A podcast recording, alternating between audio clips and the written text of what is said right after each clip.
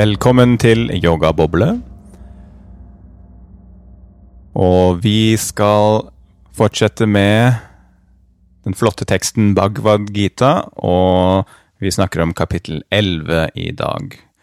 Så i forrige kapittel så begynte Arjuna å bli litt sånn sulten på, på å vite mer om Krishna, så da hadde jo Krishna allerede fortalt en del om seg sjøl, og så sier Krishna 'jeg vil vite mer, fortell meg mer'. Og nå i dette kapitlet så er Krishna blitt enda mer eh, sulten. Nå sier han 'vis meg, vis meg hvem du egentlig er'. Arjuna sier ikke Å ja, jeg sa Krishna. Ok, Arjuna sier det. Arjuna spør Krishna kan du, kan du vise meg, jeg har lyst til å se. Og så, eh, og så sier Krishna ok. Og så eh, begynner Arjuna å trippe balle, for å si det på godt norsk. Han eh, har en mystisk opplevelse, kan man si, da. Eller, en, eh, eller ja, man kan kalle det samadhi. Eller han, han, får, han får en slags oppvåkning. Han får en direkte opplevelse av, av det guddommelige. Så på en måte denne mystiske opplevelsen som man kan se at folk opplever i mange forskjellige kulturer og tradisjoner og religioner. Ja, det er vel litt sånn som folk som enten har tatt psykedelika, kan beskrive, eller folk som har vært i veldig dyp meditasjon, kan beskrive noe tilsvarende. Ja, eller folk som har nesten dødd, eller eh, Ja, ja. ikke sant? Eller bare folk som har bare hatt veldig sterke religiøse opplevelser. eh. Så eh, Og igjen, her snakker vi om dette med nåde, eller eh, grace på engelsk. At, eh, Arjuna har ikke nødvendigvis gjort noe spesielt for å oppnå denne tilstanden, men Krishna sier bare 'vær så god, du ba om det, så skal du få det'.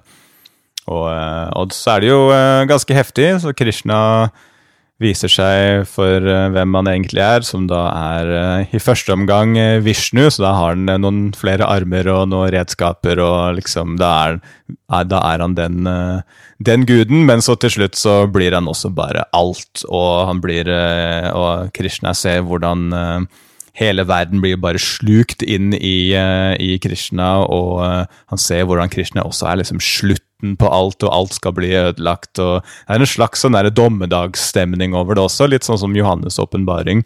Han ser på en måte slutten. Uh, så han blir ganske satt ut, og uh, ja, det, er, det er en intens, uh, intens opplevelse. Jeg tror Ja, det virker som at han Ja, han han får denne samadhi-opplevelsen hvor alt bare blir i, i ett med dette, med dette guddommelige. Mm. Ja. Vishnu, hvordan eh, Jeg vet ikke helt hvordan Vishnu ser ut. Er det liksom, Fins det et sånn tydelig bilde av han sånn som det er av de andre gudene?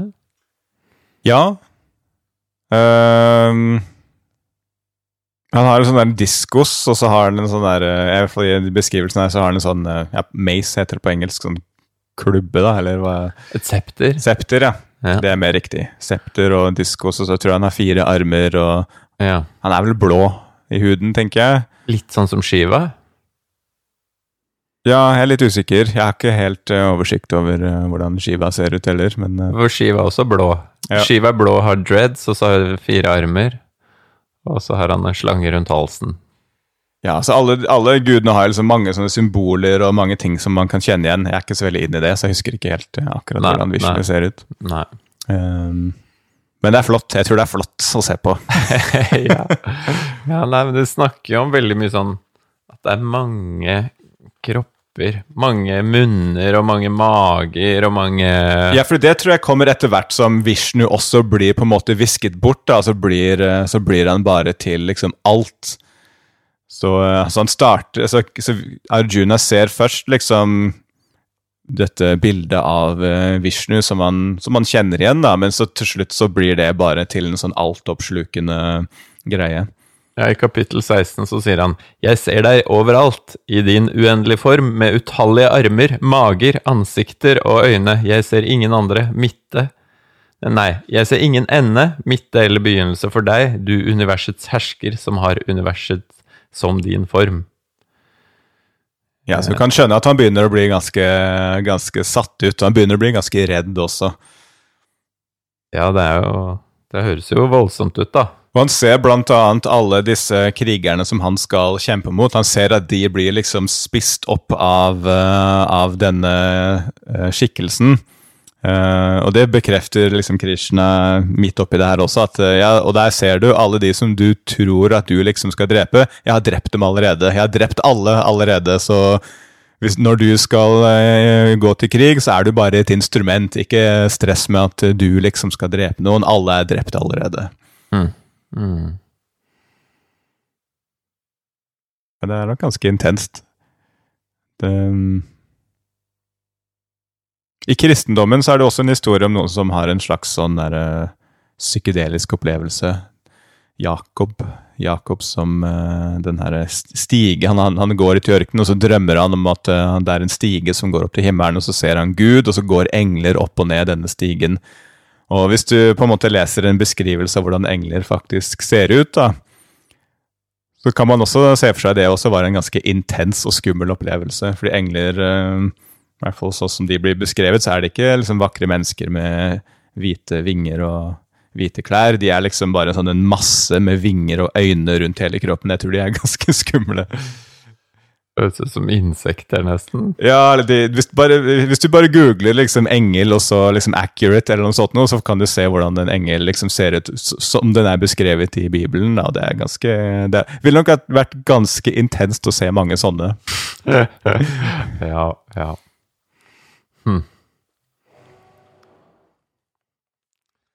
Ja, ja, ja. Så det er jo den her uh, mystiske opplevelsen som veldig mange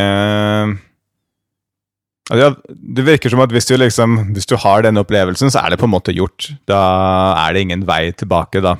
Er du solgt? Da er det liksom ja. Du kan jo kanskje prøve å leve sånn som du gjorde før, men uh, det vil alltid være litt sånn Ok, det her, uh, det her funker ikke så bra lenger. Nå, nå må man nå, nå, har man på en måte fått den sannheten servert, da, og så er man nødt til å forholde seg til det resten av livet. Um, Mm. Men det kan jo Ja, det er sikkert eh, både fint og Kanskje også en byrde å ha hatt en sånn opplevelse, fordi da, ja Det betyr ja. ikke nødvendigvis at livet blir noe lettere, da. Nei, hva tenker du Hva tenker du at det er en På hvilken måte tenker du at det er en byrde? Nei, jeg veit ikke. Det, um Det kan jo hende at uh, din uh, rolle her i verden er å ha et vanskelig og hardt liv, da. Og, og, så kan man velge seg bort fra det, men hvis du har hatt den opplevelsen, så kan du kanskje ikke det lenger, da. For eksempel. Det, jeg vet ikke, det er jo uh, Har ikke hatt den opplevelsen sjøl, men Nei. Nei, ikke jeg heller. Men det virker som at de som i hvert fall påstår og har opplevd så, sånne typer ting, så er det ikke noe sånn at man liksom ønsker det for andre. Altså Vigdis Garbarek, for eksempel. Det er ikke sånn at hun sier at ja, ja, jeg kan virkelig anbefale å ha den opplevelsen. Det burde alle prøve på. Mm. Det er litt sånn nei, vent til du er klar, kanskje.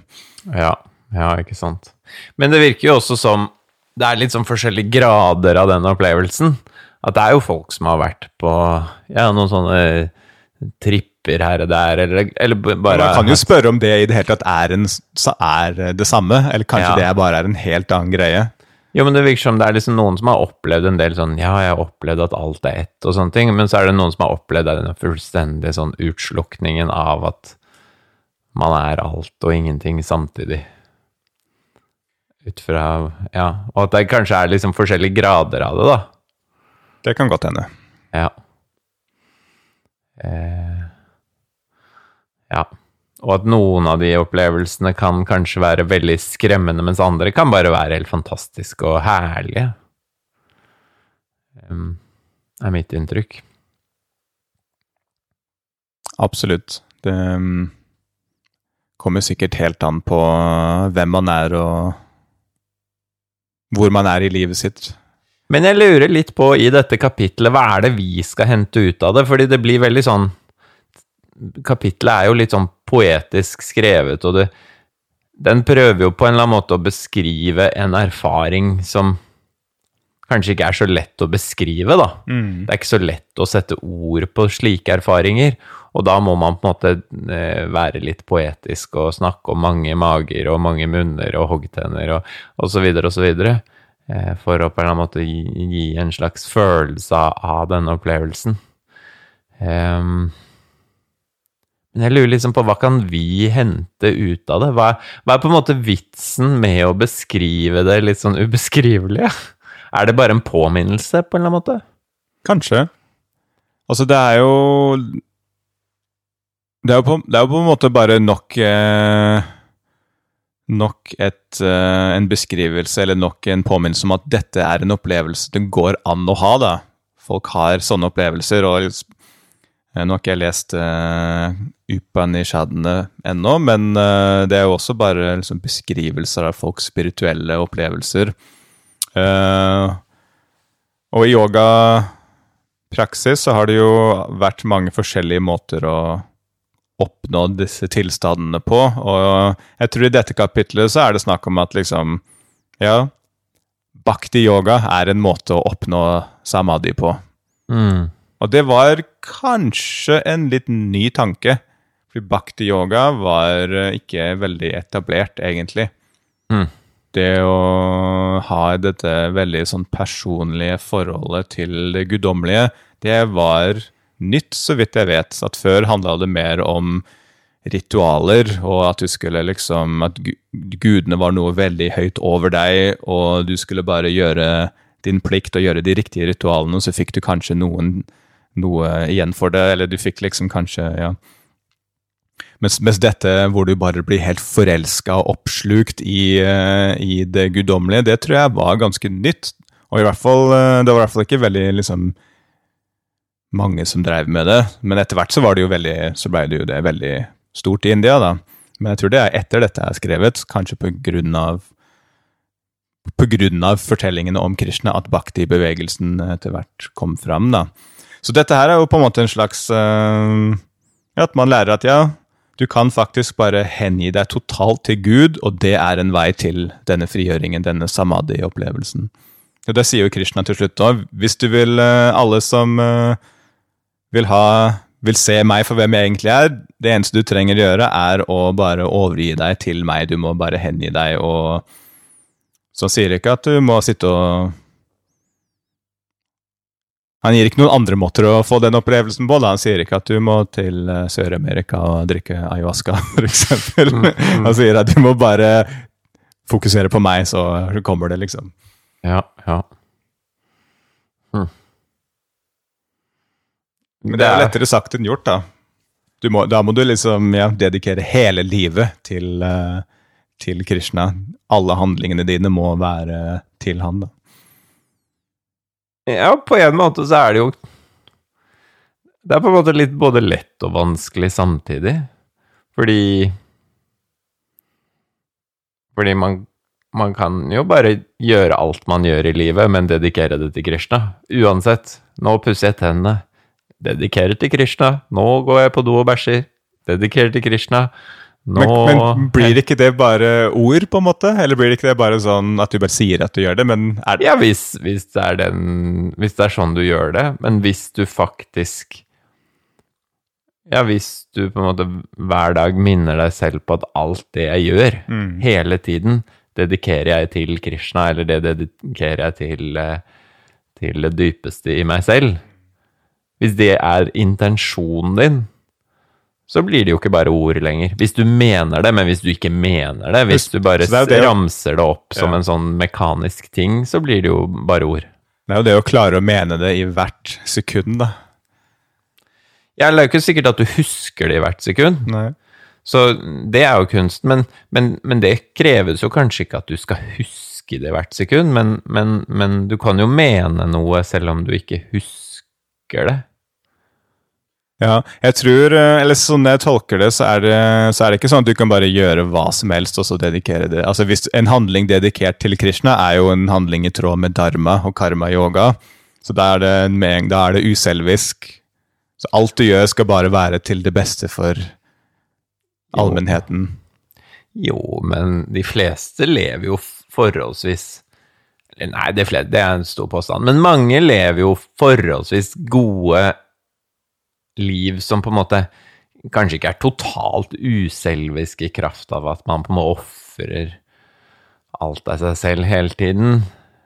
Men samtidig så er det jo liksom Ja, det å hente barna i barnehagen, og det å lage middag, eller det å ta en middagslur Alt det kan jo potensielt være handlinger som er gode handlinger for at du skal kunne leve et godt liv, så du kan bidra til verden på en positiv måte.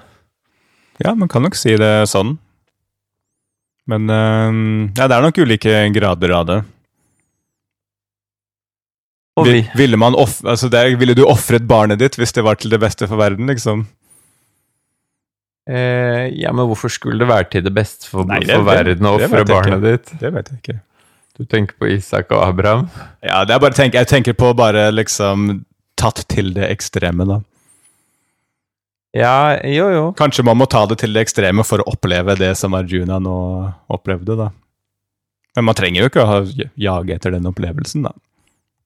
Ja, for å skjønne det må man kanskje ta det til ekstreme, men samtidig så lever jo de aller fleste av oss ganske sånne trauste liv. Jeg, men jeg, jeg vet ikke om jeg er enig i at de aller fleste lever uselvisk. Jeg tror de aller fleste lever veldig selvisk. At nesten hvert øyeblikk handler om hva er det jeg vil, eller hva er det jeg føler at jeg burde gjøre, liksom. Ja, ja, det tror jeg også, men jeg tror at Jeg sier ikke at de fleste lever uselvisk, men jeg tror at veldig mange av handlingene de aller fleste normale eh, borgere i et samfunn gjør, er handlinger som potensielt eh, bidrar, da. Mm. Eh, men, men intensjonen bak er kanskje ikke Hvis du er eh, sykepleier, f.eks., så er det på en måte mm, Du bidrar jo til det, hele samfunnet, men det er jo ikke sikkert at det var intensjonen din. Kanskje intensjonen din er bare, når du er sykepleier, er å gå på jobben, eh, ha ha en litt chill dag, eh, tjene penger, og det føles litt meningsfullt, men det viktigste for deg er egentlig bare å, å, å tjene penger og ha det hyggelig med kollegaene dine. Eh, Så, så mens hvis intensjonen din bak nøyaktig de samme handlingene du gjør, er en sånn ok, jeg har det hyggelig med kollegene mine, og jeg eh, tjener penger, men, men, men intensjonen bak er sånn ok, jeg gjør dette fordi jeg ønsker noe godt for verden. Så jeg tror på en måte du kan leve to helt identiske liv sett utenifra, men intensjonen bak gjør hele forskjellen, da. Ja, jeg er helt enig. Jeg tror det stemmer. Og jeg tror også en veldig god måte å se forskjellen på, er om man driver og klager. For hvis du driver og klager etter jobb hver dag, så har du ikke hatt en karma-yoga-intensjon. da. For enten så gjør du det som er riktig å gjøre, eller så gjør du ikke det som er riktig å gjøre. Men det, klaging har liksom ikke noe funksjon. da. Men klaging er gjerne et resultat av at du føler at du måtte gjøre noe du ikke ville, og det ble bare tredd over hodet på deg. ikke sant? Ja. Um, Og klaging er det motsatte av takknemlighet. Mm. Og de aller fleste klager hele tida. Kanskje. Kanskje. Jeg vet ikke. Aller fleste. Det er jo Nei, vanskelig det, det, det var jo litt satt på spissen, det var det. det, Men var det mange- på. Men folk eh, Det er jo mye klaging, da. Ja, ja, det er kanskje det. Jeg vet ikke. Jeg føler at det kommer litt an på liksom hvilke kretser man, eh, man er i. Fordi eh, rundt meg og jeg, Men ja, jeg tror jeg liksom nå vanker jeg litt sånne yogakretser. Eh, men det er ikke så mye klaging i mine kretser, egentlig. Jeg synes på en måte Men hvis du går til en helt vanlig arbeidsplass Ja, det kan hende. Det kan hende. Det vet, jeg vet ikke. Det er lenge siden jeg har vært på en helt vanlig arbeidsplass. Ja. Har du noen gang jobba på en helt vanlig arbeidsplass? Ja, jeg, jeg har det. Jeg har det. Eller det spørs hva du Jeg har jobbet i bar, og jeg har jobbet eh, som lydtekniker i et lydselskap. Ja, ok. Ja, så du Jeg har har jobbet eh, som lydtekniker på Oslo Kongressenter, på Youngstorget, og jeg har jobbet eh, ja. ja. Jeg har hatt vanlig SFO. hatt noen vanlige jobber. Ja. Jeg jobbet på, som lærer på videregående. Ja, der var det litt klaging, ja. Var det. Men det var mye å klage over òg, da. Ja, ikke sant? Ja. ja. Men det er jo litt sånn det der å tenke på Fordi vi, uansett hvordan vi snur og vender på det, så vil jo livet eh, kaste masse utfordringer din retning. Eh, og så og så når man får de utfordringene, når, man, når, alle de tingene skjer som du kanskje helst skulle ønske ikke skjer, så, så kan man enten møte det med 'Å, faen, det var så jævlig dritt, og jeg hater at dette skjer', og det er klaging. Eller så kan du møte det med 'Å, så bra at jeg fikk den utfordringen jeg trenger for å utvikle meg'. Så det er bare Det er litt sånn forskjellen i intensjon og i mm. hvordan man forholder seg til livet, da. Ja, og hvis man skal dedikere hver handling til uh, Krishna Det er vanskelig å, å, å tenke ok, nå skal, jeg, nå skal, jeg, klage litt, og det skal jeg gjøre for Krishna. ja, nei, man klager ikke for Krishna. Da er det mer sånn ok Det, det blir en handling det er vanskelig å dedikere til uh, Krishna, da. Ja, eller du går på gata, det kommer en måke og bæsjer deg i hodet. Og så kan du enten tenke 'Å, fy faen, det var helt helvete', eller så kan du tenker takk, Krishna. Tusen takk. for, for, at du lærte meg å overkomme min egen uh, følelse av at ting er ekkelt. Hmm. For eksempel. Ja.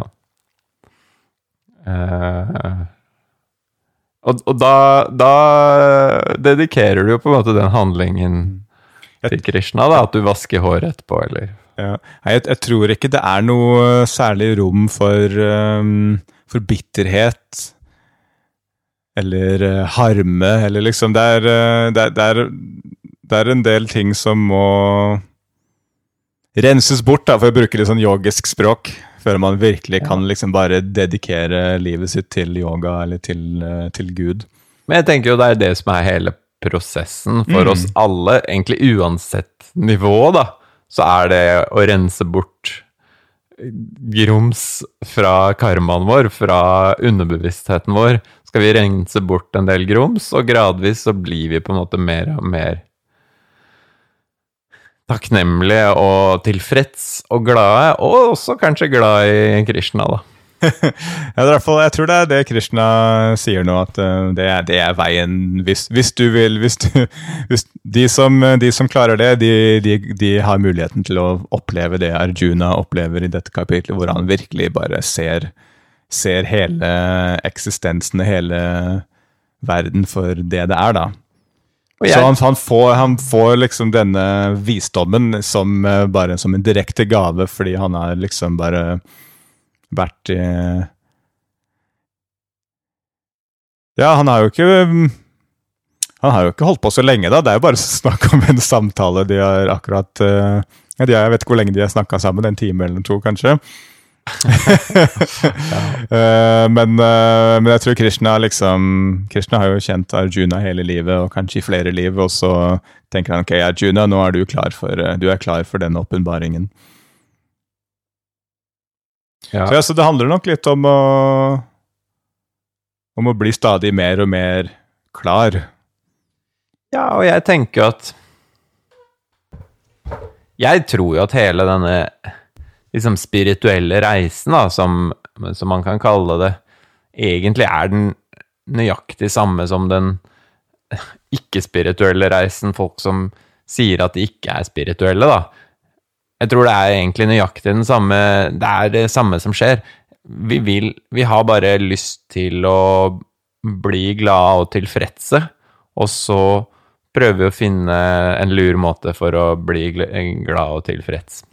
Ja, jeg, jeg, tror eh, altså spesielt yoga, men egentlig all, all, religion. Men kanskje spesielt yoga, siden det har vært så lite dogmatisk. da, Så har yoga liksom bare vært en sånn her, ok, det er dette vi vil, hvordan skal vi få det til? Og så prøver vi på en veldig systematisk måte over flere tusen år, så finner de, de, finner de gode måter å, å, å oppnå denne tilfredsheten eller denne lykken på, da.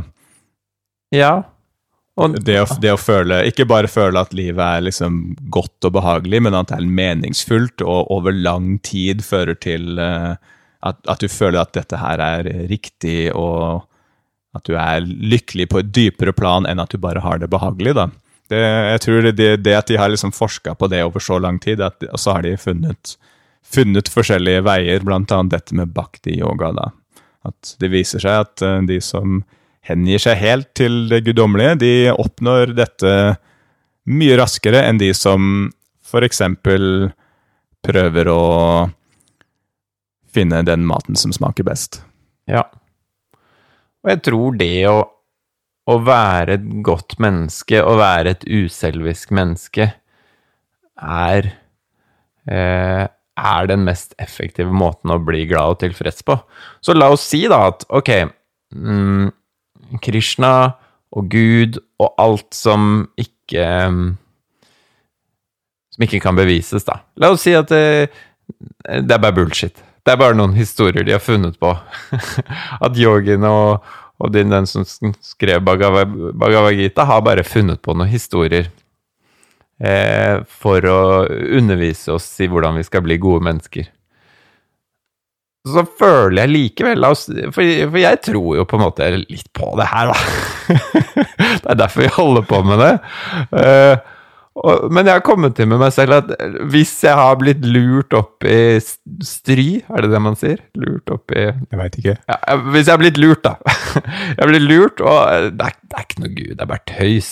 Det, er, det, finnes ikke noe mer. Det er bare Det som finnes, er bare det mat, mat, materien. Eh, og det som er om å gjøre, er bare å, å, å, å få et godt liv, rett og slett.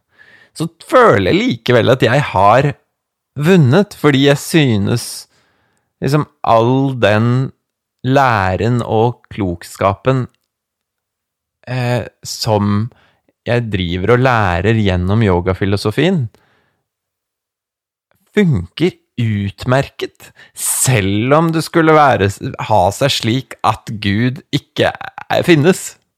Ja, det er egentlig litt irrelevant, på en måte. Ja. For det, det, hadde jo vært én ting hvis det var sånn ok, jeg skal Ja, litt, litt sånn klassisk uh, argument uh, for, mot religion. Ok, skal de liksom ofre hele livet bare for å kunne komme til himmelen, liksom?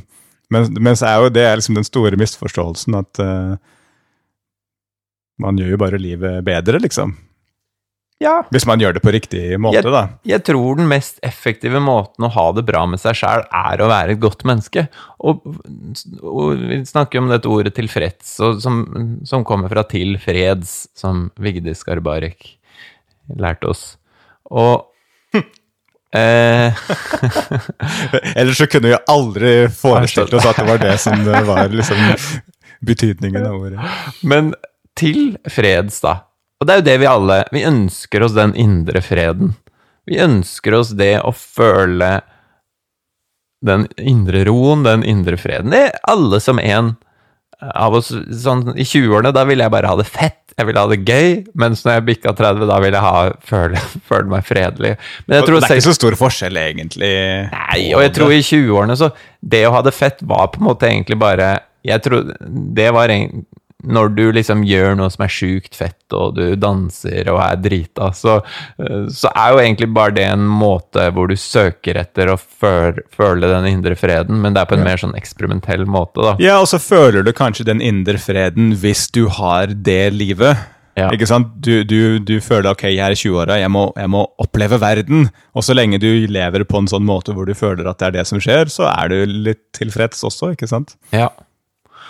Og så er det da sånn at ok, men hvordan skal man komme til den freden? Jo, du kommer til den freden hvis du lever et liv som gjør at ikke du må gå rundt og gruble på all den driten du har gjort. Hvor du, et, hvor, hvor du lever et liv hvor du har frigjort deg fra eh, Fra alt psykisk støy. For det er jo det som gjør at det er vanskelig å være menneske, er det psykisk støy. Masse vanskelige tanker, masse vanskelige følelser.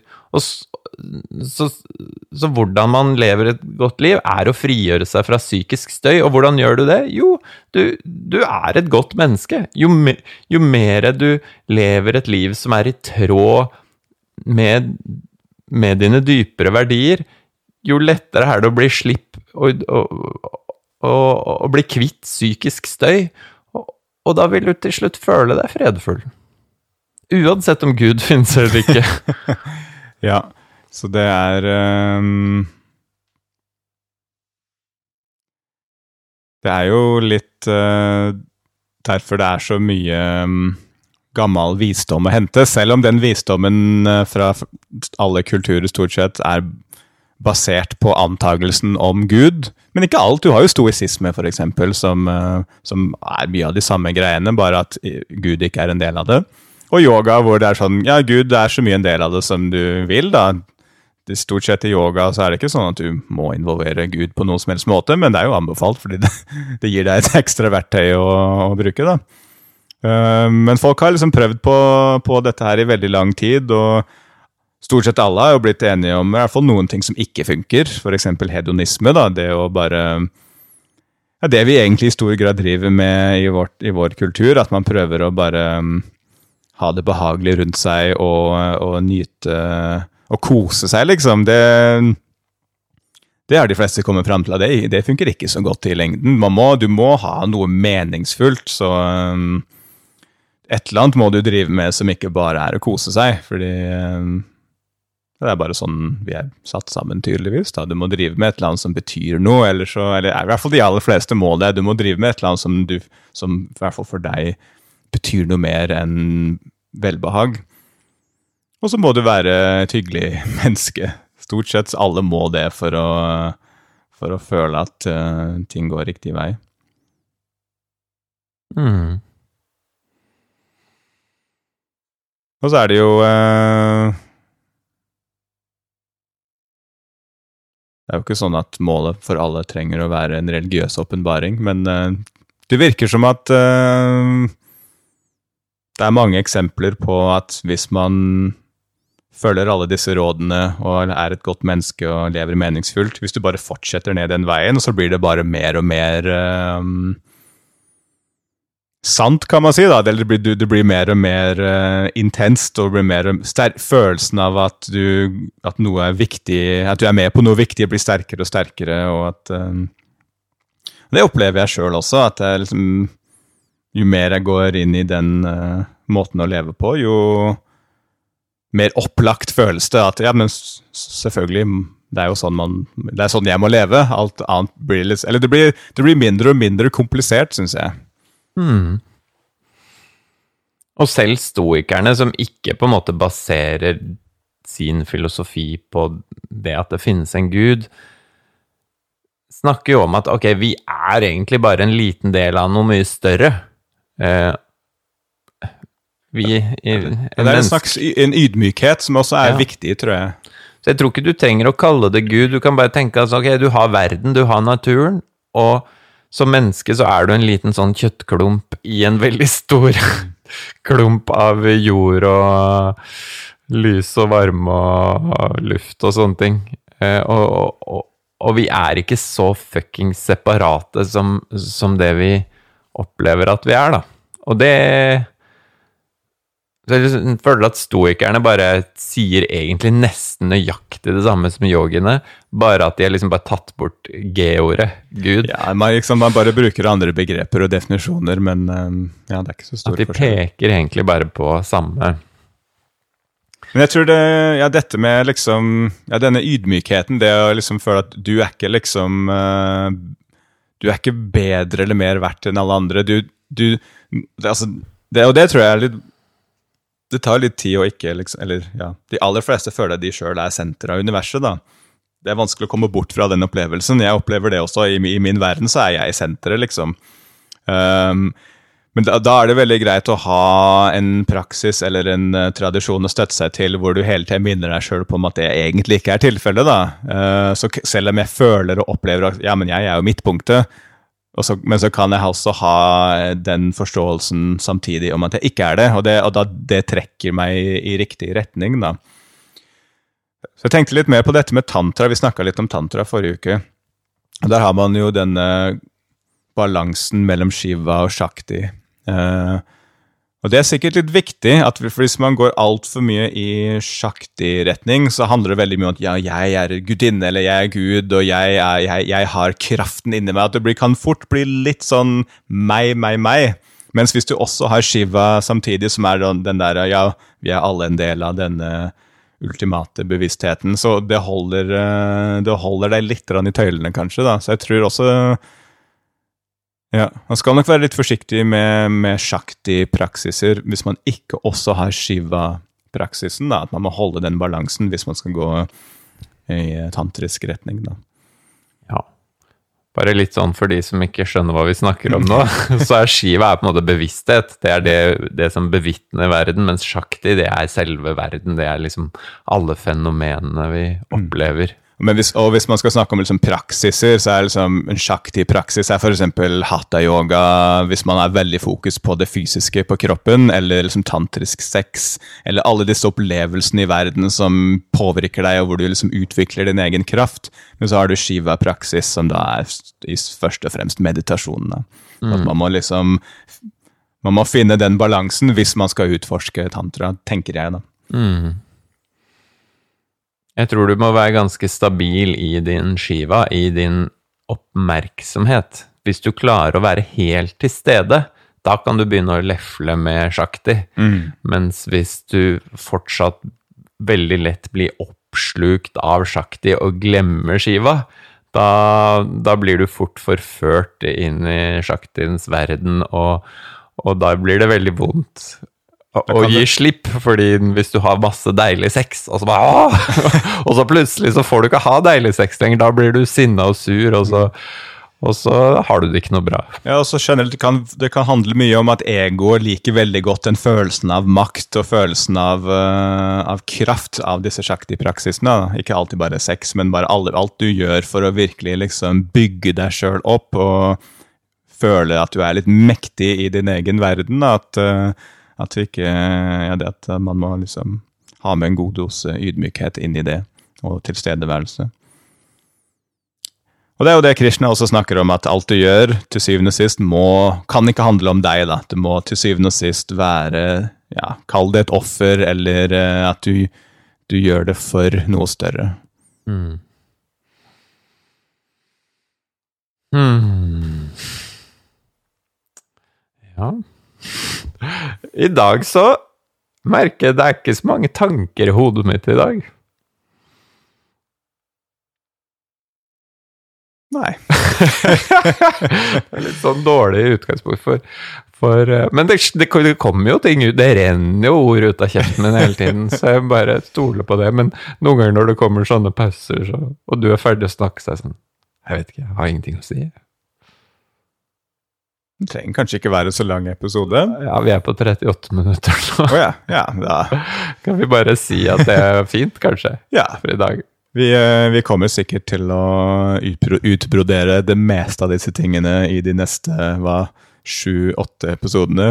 Ja da. Ja, ja. ja. ja, over halvveis, det er vi jo. Da er vi over halvveis. Ja, det har gått lettere enn jeg trodde egentlig, å fylle episoder med, med Med bare ett et kapittel. Det- Men det er jo noe med det at alle disse prinsippene er så veldig universelle på en måte, at nesten alt man driver med i livet, kan man knytte opp til, eh, til dette. Så det er Mm. kanskje derfor det er en såpass viktig tekst. Ja. Jeg håper dere fortsatt henger med, da. Jeg har snakka med i hvert fall noen som har liksom falt litt fra Bhagavad Gita-toget, men det må jo være helt greit. Vi har jo andre episoder også. Jeg vet ikke om jeg henger med selv engang. Jeg. jeg føler at det bare er sånn rør oppi hodet mitt noen ganger. Og at jeg vet, Ja, det er akkurat som at hele denne prosessen nesten gjør meg mer forvirra. Du sa det motsatte forrige uke. Uff, da. Ikke i episoden, da, men eh, vi snakka om det etterpå. Eller kanskje, ikke, kanskje uka før det. Jo, men syns, jo, men jeg syns det å holde på sånn som vi gjør nå, er bra. Det er ikke det at eh, jeg, jeg setter veldig pris på prosessen, og jeg tror det er veldig nyttig for meg, og jeg håper at det er nyttig for folk som hører på også. Eh, men, men jeg tror jo kanskje det å å, å være forvirra nesten er bedre enn å ikke være det. For, fordi når du er forvirra, da er du i hvert fall sånn ydmyk på at du egentlig ikke At liksom alle disse tankespinnene våre bare er en veldig begrenset del av virkeligheten, og vi kan prøve å putte putte verden inn i bokser og konsepter og forsøke å skjønne den med hjernen, men til syvende og sist er, er verden så utrolig mye mer enn alle våre konsepter og eh, forståelsesrammer. Eh, så på en måte bare det å komme til erkjennelsen at, at vi sitter nå her og produserer noen ord, men til syvende og sist er det bare vås. ja, det, det, er et veldig godt poeng, egentlig. At, ja. Jeg har nok en tendens til å liksom det, ja, hvis jeg liksom jeg studerer et emne, og så kommer jeg til et eller annet punkt hvor jeg er sånn ah, nå, nå, tror jeg jeg begynner å skjønne det her litt, og så Det som skjer da, er at man kan fort da begrense seg sjøl litt, da, hvis man tenker ok, men nå, nå skjønner jeg det. Og da blir man litt mer lukka automatisk også, ikke sant? Ja. Ja, nei Jeg er fornøyd. okay. Så det, ikke, det, var ikke en klage, det var på en måte bare mer en sånn erkjennelse av at uh, det er ikke så lett å skjønne de greiene her. Nei. Og det er litt spennende. Og så, kan man jo også tenke at det er liksom Det er ikke så vanskelig å skjønne heller, men det fins bare veldig, veldig mange nivåer å skjønne det på, da. Ja, ja. Så man kan jo være fornøyd med det nivået, man, det, det nivået som forståelsen er på, og likevel være undrende. Ja. ja. Ok. Ja. Uh, sier vi takk for i dag. Sier vi takk for i dag. Takk for i dag. Mm.